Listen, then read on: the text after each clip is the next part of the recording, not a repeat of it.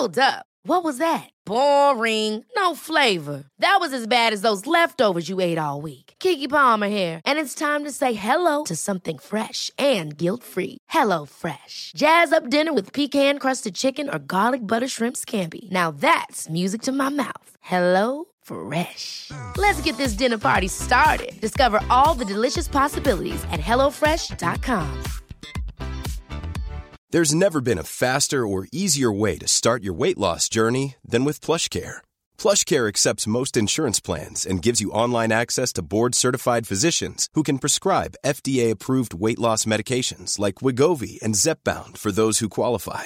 Take charge of your health and speak with a board-certified physician about a weight loss plan that's right for you. Get started today at plushcare.com slash weight loss. That's plushcare.com slash weight loss. plushcare.com slash weight loss. Hey, it's Ryan Reynolds, and I'm here with Keith, co star of my upcoming film, If, only in theaters, May 17th. Do you want to tell people the big news?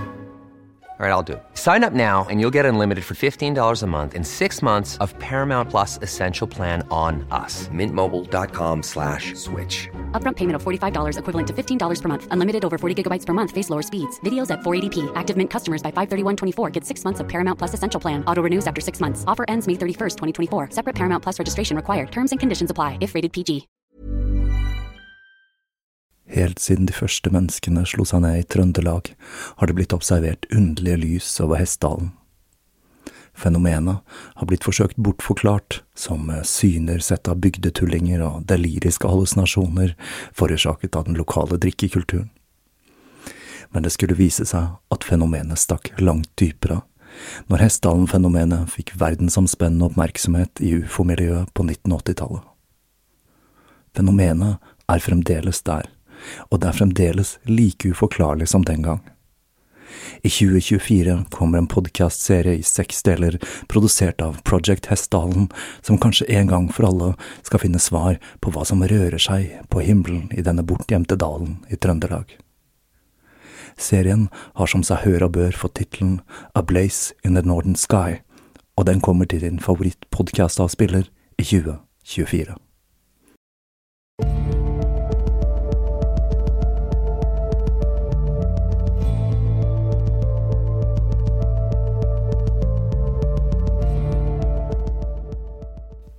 Hei og velkommen til Tåkeprat. Jeg heter Even, og når jeg tar opp denne episode 130, så er det mandag den 13. april 2020. Da fikk jeg endelig ut denne tredje episoden jeg har laget etter landet ble stengt av utbruddet av covid-19. Og jeg må si at dagene de blir underligere og underligere. Koronatid er ikke som annen tid. Og nå, etter en måned inn i dette, så sliter jeg med å huske hvilken dag det er og tiden beveger seg både raskt og sakte på en gang, som i en tåke, og jeg må jo si at jeg ikke er helt uenig i de som sier at dette er en overraskende slitsom tid. Det er som om alle har sitt eget katarsis under denne pandemien, enten man sitter i karantene, alene eller sammen med andre, eller er en av de som holder hjulene til samfunnet i gang. Men eh, sett fra en annen side, så er jo dette bare blåbær sammenlignet med tilværelsen Hildegard av Bingen vokste opp i. Mens alt dette har pågått, så er det nok blitt litt i overkant mye nyheter på meg. I all hovedsak for å følge med på hvordan ulike land håndterer krisen, og for å se hvordan det hele utarter seg, med de forskjellige tiltakene som er blitt iverksatt. Og her er det jo fremdeles mye som er ekstremt usikkert. Her i landet så ser det jo iallfall foreløpig ut til at ting begynner å løsne litt til neste uke. Men det eneste er å se hvordan det kommer til å påvirke situasjonen. Men nå har vi altså kommet til den tredje og siste delen i historien om Hildegard av Bingen. Jeg må jo si at dette har vært en ganske spennende historie å sette seg inn i, og jeg har dannet meg et litt klarere bilde av hvem denne damen egentlig var, og hva hun sto for. Og da tror jeg bare vi smeller i gang med siste delen av Hildegard.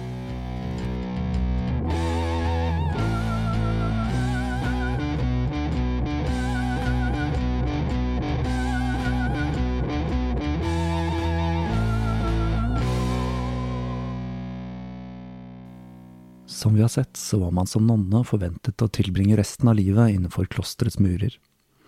Men Hildegard skulle i egenskap av sin status legge ut på flere reiser der hun prekte utenfor klosteret. Etter fylte 60, mellom 1158 og 1171, så gjennomførte hun hele fire slike turneer, om man kan kalle det det nå. Helsen var skrantende, og idet hun skulle legge ut på den første av disse reisene, så ble hun igjen rammet av et av disse sykdomsanfallene. Så syk ble hun at nonnene forberedte dødsleiet hennes på samme måte som de hadde gjort for Jutta. Men etter en måned så kom hun til hektene igjen, selv om hun skulle være plaget av bieffekter etter sykdommen i de kommende tre årene. Og hun skulle ikke helt bli kvitt disse plagene før hun hadde en visjon der de onde åndene som hadde forårsaket det hele, ble fordrevet. I løpet av dette sykdomsleiet så skrev hun sitt andre teologiske hovedverk, Liber Vitae Meritorium, noe som betyr noe i retning av livets verdier. I denne boka beskriver hun en serie med dyder og deres korresponderende synder, fortalt som en serie med visjoner. Ideen bak boka var å beskrive menneskets kamp i den kristne verdensorden. Og her finner vi beskrivelser av hva som skjer med syndere i skjærsilden. Selv om denne tanken om skjærsilden som et fysisk sted var en forholdsvis ny idé, som oppsto nettopp på Hildegards tid. Og skjærsilden ble ikke en del av den offentlige katolske doktrinen før i 1274.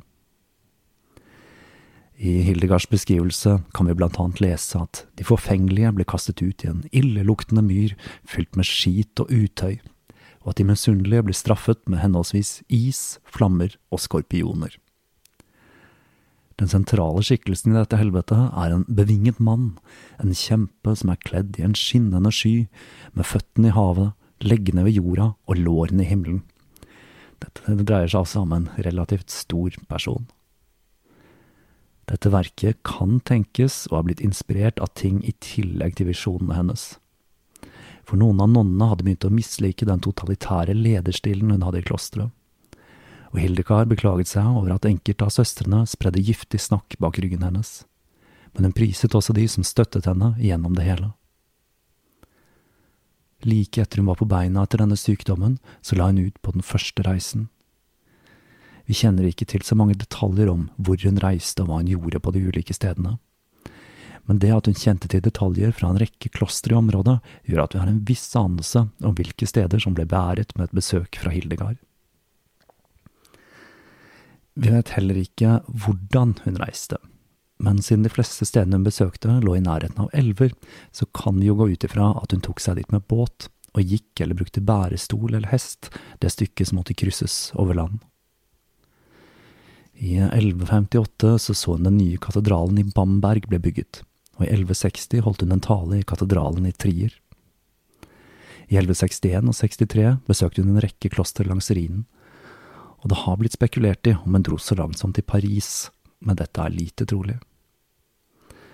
Vi kjenner til noen av prekenene hun holdt, da flere ønsket kopier av dem så de kunne lese dem for sine egne menigheter. Talene dreide seg stort sett om at kirken var i forfall på grunn av presteskapet, som hun mente, sikkert med god grunn, brydde seg mer om gods, gull og jordiske gleder enn det spirituelle og dette var provoserende kraftfulle tordentaler, fulle av voldsom apokalyptisk retorikk. Her kan vi jo saktens være litt på lag med Hildegard, for korrupsjon i kirken, det var nok et problem. Men hun hadde et annet favorittema også, og det er litt mer problematisk, nemlig kjetteri. Troen på at det fantes kjetterske grupper som drev med de klassiske tingene som å spise ekskrementer, sodomi, orger, magi og annen djevelskap, var sterk på denne tiden. Det er rart med det, men denne troen på at det finnes denne typen sekter i store organiserte nettverk, er jo noe vi ser igjen og igjen. Sist må jo være Satanic Panic på 80- og 90-tallet. Og her i Norge så hadde vi jo vår egen liten bølge med det, i forbindelse med oppblomstringen av black metal-miljøet på tidlig 90-tall. Det var rene risikosporten å være langhåret og svartkledd på den tiden. Og hvem hadde trodd at dette var starten på en av Norges største kultureksporter? Og snakker om sekter som ble sagt å drive med bisarre ritualer, så husker sikkert mange av dere Klysti-sektene i Russland fra Rasputin-serien. Når Hildegard var på en av sine første turneer i 1160, så gikk det et rykte om at en tysk-kjettersk sekt hadde forsøkt å konvertere kristne ved først å invitere dem til et måltid, for å så gjøre korsets tegn over måltidet, hvorpå maten ble til ekskrementer og vinen til urin. Den mest kjente av disse gruppene er uten tvil katarene, som er en gruppe som nok vil gjøre seg godt som podkastmateriale en gang i fremtiden. Selve navnet Qatar stammer fra Qatari og betyr noe i retning av ren. Og de forfektet et gnostisk, dualistisk verdenssyn der den materielle verden var et blendeverk skapt av djevelen eller demiurgen. En ond verdenshersker som utga seg for å være den gode guden. Qatarene trodde at sjelen var kjønnsløs, og ironisk nok, med tanke på at Hildegard raste mot denne gruppen, så var det mulig for kvinner å bli spirituelle ledere blant qatarene. Og de prediket også en ekstrem askese og antimaterialisme, noe som kanskje burde ha gjort Hildegard mer sympatisk mot denne gruppen. Men det ble hun åpenbart ikke, og det var katarene som var et av hovedmålene i prekenene til Hildegard og hennes protesjé Elisabeth av Schönhaug når de talte om farene med kjetteri og tordentalene til Hildegard de hadde en reell effekt på behandlingen av denne gruppen. Like etter at hun talte i Köln i 1163, ble for eksempel en gruppe qatarer brent på bålet for kjetteri i byen. Senere skulle qatarene bli ofre for brutale forfølgelser og folkemord utført av den katolske kirken. Mens Hildegard reiste rundt med tordentalene sine, så foregikk det en annen kamp i bakgrunnen. Etter pave Hadrian 4. døde i 1159, så oppstod en konflikt blant kardinalene om hvem som skulle bli den neste paven. Med den sentrale rollen Hildegard hadde fått, så hadde hun faktisk en grunn til å frykte for sin egen sikkerhet på grunn av denne konflikten. Men til tross for dette, og til tross for at Hildegard stadig ble mer usikker på Fredrik Barbarossas lojalitet, så skrev han en erklæring i 1163 som garanterte klosteret i Rupertsberg keiserens beskyttelse og dette dokumentet er det eneste fra samtiden som bruker tittelen abbedisse om Hildegard. Som vi husker, så bar hun bare tittelen magistra.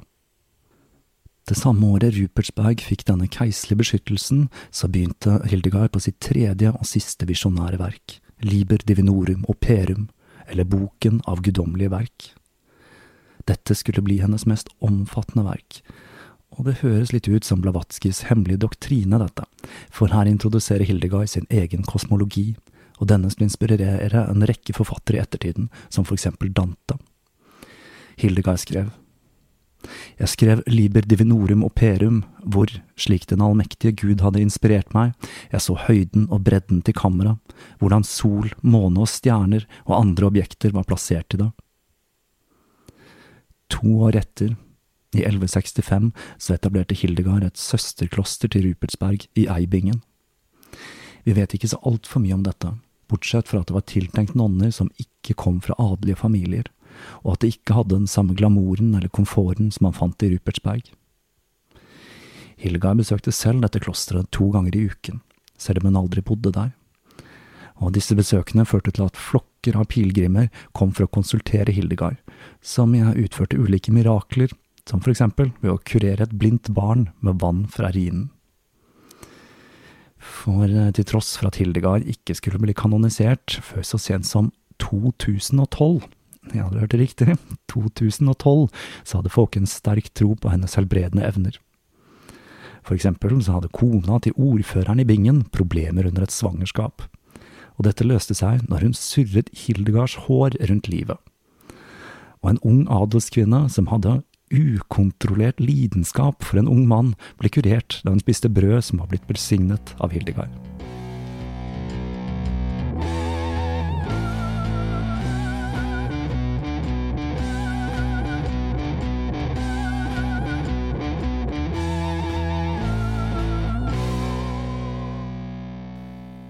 Hun drev også med eksorsismer, og her finner vi mye rart fra personer som åpenbart var schizofrene eller hadde epilepsi, til andre merkelige tilfeller, som demonpredikanter som ble sagt å preke mens de var besatt av djevelen. Og de høres særlig litt, tatt litt ut som moderne evangeliske kristne, spør du meg. En av de mest spennende tilfellene av demonbesettelse i Hildegards liv var besettelsen av en ung adelskvinne, Sigge Wiese, som var til stede når Hildegard holdt sin tordentale mot katarene i Köln i 1163. Det kan tenkes at Sigge Wiese selv var Qatar, og at brenningen av kjetteret etter Hildegards tale kan ha trigget en slags reaksjon i henne. Det er nå i hvert fall min spekulasjon her. Sigge Wiese hevdet at hun var besatt av en skapning som kalte seg for Schrumpilgard, eller Rynkefjes, og sa at denne var i stand til å fordrive Hildegard fra landet. Abbed Gedolfus av Brauweiler skrev til Hildegard i 1169 og ba om assistanse til eksorsisme av denne Sigge Wiese.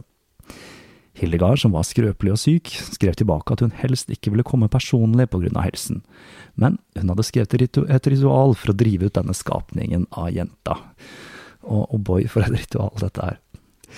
I denne seremonien så skulle presten og seks andre personer slå Sigge Vise, løst riktignok, på hode, rygg, bryst, navle, knær og føtter, mens de messet du sataniske og onde ånd som undertrykker og plager denne personen, denne kvinnen, forsvinn. Dette skulle følges av en ny serie med stokkeslag mens de ropte flykt, derfor flykt, flykt fra denne du djevel, forsvinn med alle de onde vindåndene. Og dette skulle gjentas fram til skapningen forlot henne. Abbeden og kompanene de utførte eksorsismen, og den hadde en effekt. Jenta begynte å hyle og skrike, og denne skrikingen tiltok og gikk over i et kontinuerlig brøl som fikk tilskuerne til å skjelve av skrekk. Dette pågikk en halvtimes tid, før presten erklærte at jenta var renset, og tilskuerne trampeklappet mens munkene messet Te deum laudimus. Men til tross for stokkeslag og skriking, så gikk det ikke så veldig lang tid før jenta igjen var besatt. Siden ritualet ikke hadde hatt ønsket effekt, så sa Hildegard seg villig til å forsøke å helbrede henne. Dette var en lang prosess som inkluderte bønn, faste og selvpining på jentas vei. Hi, I'm Daniel, founder of Pretty Litter. Cats and cat owners deserve better than any old-fashioned litter. That's why I teamed up with scientists and veterinarians to create Pretty Litter. Its innovative crystal formula has superior odor control and weighs up to 80% less than clay litter. Pretty Litter even monitors health by changing colors to help detect early signs of potential illness. It's the world's smartest kitty litter. Go to prettylitter.com and use code ACAST for 20% off your first order and a free cat toy. Terms and conditions apply. See site for details. Hold up. What was that? Boring. No flavor. That was as bad as those leftovers you ate all week. Kiki Palmer here, and it's time to say hello to something fresh and guilt-free. Hello Fresh. Jazz up dinner with pecan-crusted chicken or garlic butter shrimp scampi. Now that's music to my mouth. Hello Fresh. Let's get this dinner party started. Discover all the delicious possibilities at hellofresh.com.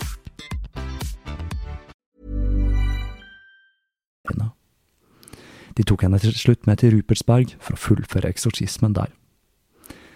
Det som jo er litt artig, er at dette foregikk i påsken. Og den besatte Sigrise hun bablet i vei om en hel haug med religiøse emner, som dåp, transmutasjon, og ikke minst så snakket hun mye om katarene. Det store gjennombruddet i eksorsismen skulle komme under påskevåken, vil si lørdagen i den stille uken. Sigge Wiese falt inn i en slags transe, der hun begynte å trampe i bakken, skjelve og hyperventilere, mens hun slapp ut mye luft. Akkurat hvor den luften kom fra, det er litt usikkert, men det var tydelig at Hildegard og Nonna hadde lyktes, for Hildegard fikk nemlig en visjon av at den urene ånden trakk seg ut fra kroppen hennes på en forferdelig måte med en utflod fra hennes private deler, og hun var fri. Fra den dagen så var hun normal både i sjel og kropp til hennes dagers ende, æret være Herren. Sigge Wiese skulle bli en nonne etter dette, og hun tilbrakte resten av livet i Rupertsberg. Det er jo en artig liten fortelling om besettelse i middelalderen, og jeg må si jeg føler for at tiden kanskje er snart inne igjen for å se litt nettopp på demonbesettelse og hjemsøkinger. Det er et fascinerende tema, Like etter denne demonutdrivelsen så ble Hildegard igjen syk. Denne gangen i 40 dager og 40 netter.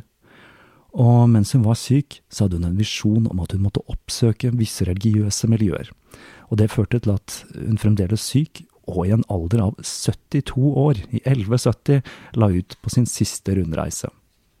Hun besøkte klosteret i Strasbourg-religionen, og på samme måte som tidligere så preket hun om tro, spiritualitet og nødvendigheten av å få en slutt på den åndelige korrupsjonen som hadde fått fotfeste. Hun sa, Kirken er besudlet og fordervet, som en vakker kvinne som har fått kappen tilsmurt og revet opp og ansiktet tilgriset. I 1173, mens hun var i ferd med å ferdigstille Liber Divinorum Operum, ble Hildegard rammet av enda en tragedie. Hennes følgesvenn og sekretær Volmar døde. Men selv om man skulle tro at dette ville føre til en lang periode med sorg, så førte dette til enda mer kjekling. Denne gangen med Dizzie Bodenberg, som til tross for Hildegards stjernestatus nektet å erstatte den døde munken. Hildegard havnet i en disputt med den nye abbeden, Hellenger, som hun tidligere hadde beskyldt for å være treg og sløv. Hellenger tenkte vel kanskje at han skulle ta igjen på denne måten. Men som vanlig så tok hun saken rett til topps og gikk rett til paven, som svarte med å utnevne en til å mekle mellom Hellenger og Hildegard, med en klar beskjed til Dizzie Bodenberg at dersom de ikke klarte å finne en ny sekretær til Hildegard, så kom de til å bli overstyrt av kirken, og noen andre ville gjøre jobben for dem. Til slutt så innså Hellinger at Hildegard av Bingen neppe var den beste personen å krangle med, og i 1174 så sendte han munken Gottfrid til Bingen. Men denne munken, han skulle ikke vare lenge, og han døde alt i 1176, før Hildegards tredje hovedverk var blitt fullført. Og så tok Hildegards bror over jobben, men så døde han også. Til slutt så var det Guibert av Gemblot, en fransktalende munk fra Flandern, som skulle legge siste hånd på Liber Divinorum Operum. I Hildegards siste leveår skulle hun havne i enda en konflikt, denne gangen med presteskapet i Mainz. Som vi har vært inne på, så var en av de viktigste inntektskildene til Hildegard og søstrene gravlegging og bønn for adelige. Presteskapet så rødt da de oppdaget at en mann som hadde blitt ekskommunisert, hadde blitt gravlagt i vigslet jord. Vi vet ikke hvem denne mannen var, men prestene forlangte at liket skulle graves opp og flyttes til en annen plass. Men Hildegard nektet. Hun hadde det guddommelige lyset til å lede seg, fortalte hun de hissige prestene, og hun sto for det hun hadde gjort. Denne konflikten dreide seg nok mest sannsynlig om at presteskapet var misunnelig på all oppmerksomheten den nå 80 år gamle Hildegard fikk og det hele skjedde passende nok når erkebiskopen i Mainz var på reise i Italia og ikke kunne følge med på hva presteskapet foretok seg. Prestene sa at dersom hun ikke etterkom kravet med å grave opp liket, så kunne hun ikke lenger motta nattverd eller den siste olje. Dette var selvsagt krise for Hildegard, som skrev til erkebiskopen i Italia og forklarte at mannen det dreide seg om, hadde funnet tilbake til kirken før han ble gravlagt, og at det hele ble bevitnet av så å si alle i bingen. Seks måneder før hun døde, så mottok hun et brev fra erkebiskopen, som trakk tilbake kjennelsen fra presteskapet, sikkert vel vitende om at dersom Hildegard skulle dø med denne over hodet, så ville det sverte hans eget rykte. Vi vet lite om de siste månedene av Hildegards liv, men hun var nok mett av dage etter en svært turbulent siste fase av livet, og gikk med glede inn i døden den 17. september 1179 i en alder av 81 år. Som seg hør og bør, så ble hennes bortgang fulgt av et mirakel. Et lys oppsto, som strakte seg mot de fire hjørnene av verden når den hellige jomfruen ga sin sjel til Gud, eller som Hildegard selv beskrev en av sine visjoner. I dette lyset ble et glødende rødt kors synlig, først lite, men etter hvert vokste det til en enorm størrelse. Rundt det var det talløse sirkler av varierende farger, og i dem Én etter én begynte det å danne seg små kors som lyste rødt på samme måte, alle omkranset av sirkler, selv om disse korsene var mindre enn det første. Når det spredte seg over himmelen, dreide det seg mest østover, og det så ut til å bøye seg mot jorda, mot stedet der den hellige jomfruen hadde gått bort, og det kastet et skinnende lys over hele fjellet. Det er nærliggende å tro at dette tegnet fra Gud viste hvilken herlighet han opplyste sin elskede med i himmelriket.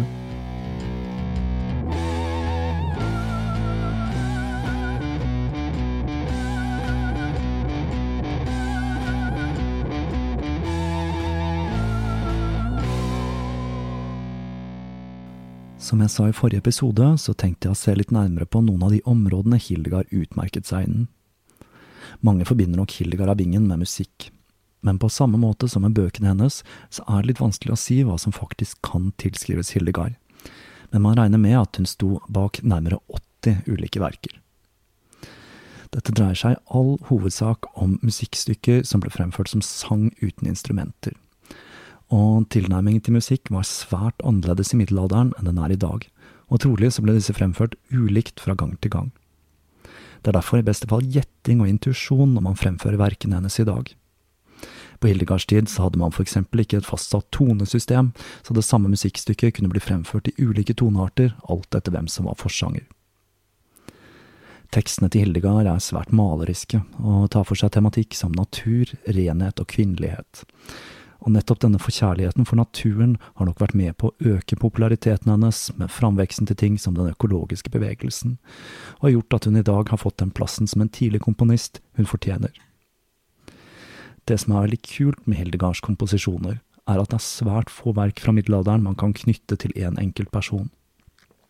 Og selv om det skulle være slik at deler av komposisjonene har blitt skrevet av andre, eller om dette dreide seg om et samarbeid, eller om de faktisk ble skrevet og komponert av Hildegard alene, så spiller det egentlig liten rolle.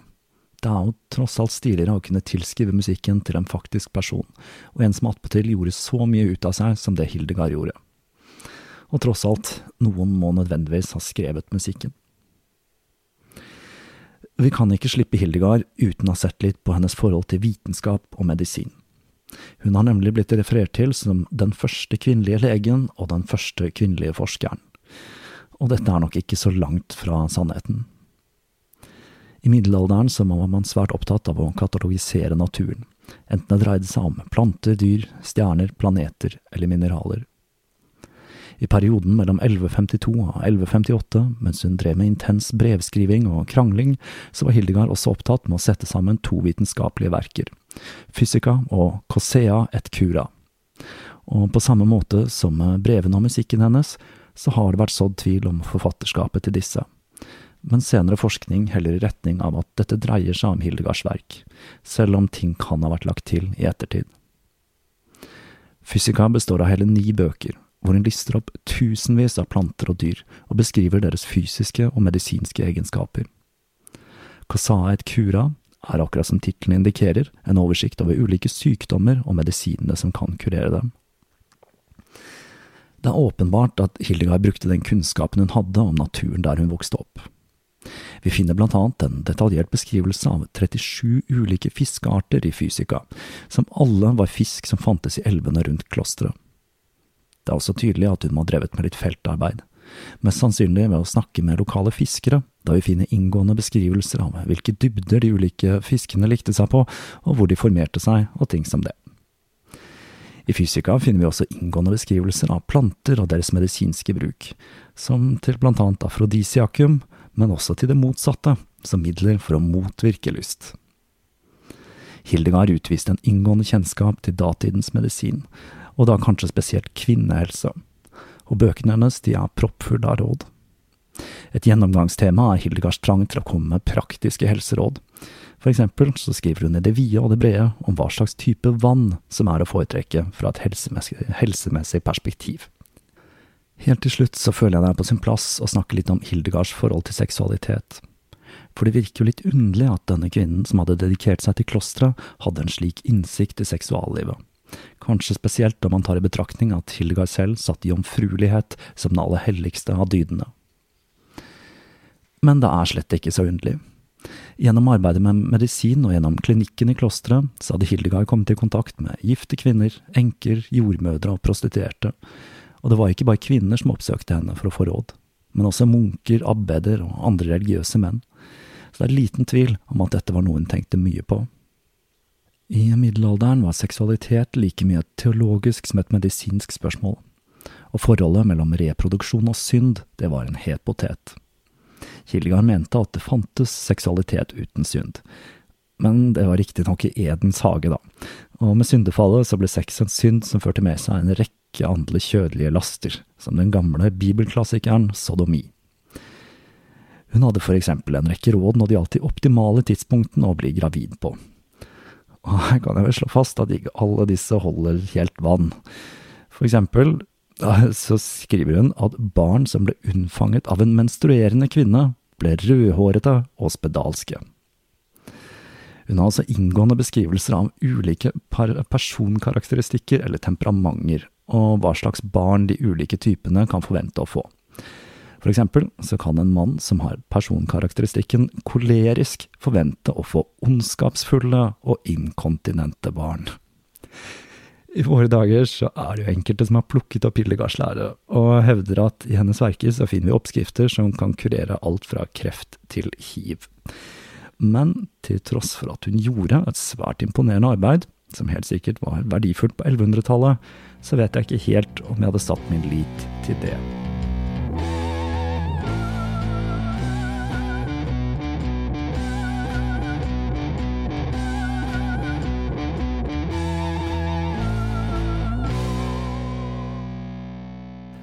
Og der runder vi av denne episoden. Jeg håper jeg med denne serien har klart å tegne et rettferdig bilde av Hildegard av Bingen. Fra hennes oppvekst som innesperret hellig person i et kloster, til hennes kjendisstatus med en av de store religiøse autoritetene i samtiden. Hildegard sto bak et massivt arbeid. Ikke bare teologisk, men som vi har sett i denne episoden, så gjorde hun seg altså bemerket innen medisin, vitenskap og ikke minst musikk.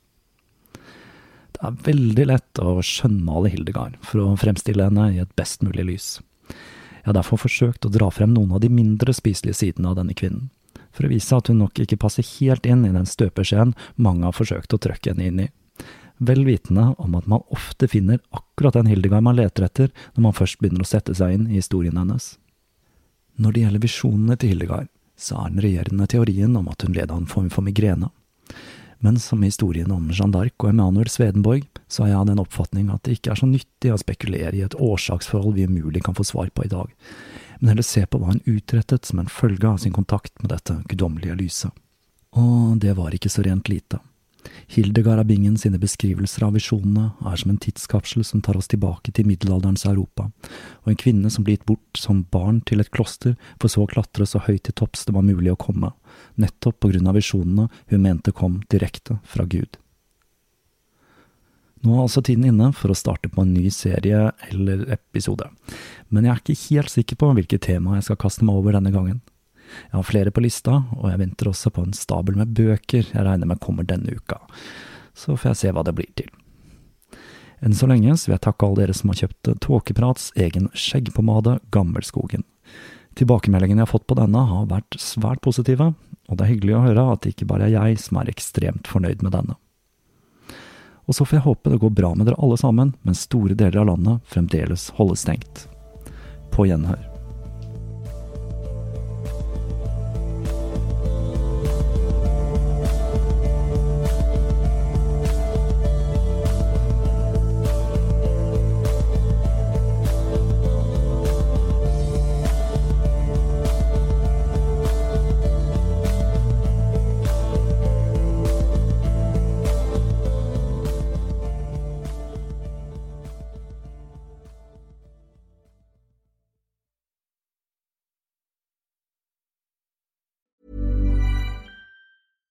Ever catch yourself eating the same flavorless dinner three days in a row? Dreaming of something better? Well, HelloFresh is your guilt free dream come true, baby. It's me, Kiki Palmer. Let's wake up those taste buds with hot, juicy pecan crusted chicken or garlic butter shrimp scampi. Mm. Hello Fresh. Stop dreaming of all the delicious possibilities and dig in at HelloFresh.com. Let's get this dinner party started.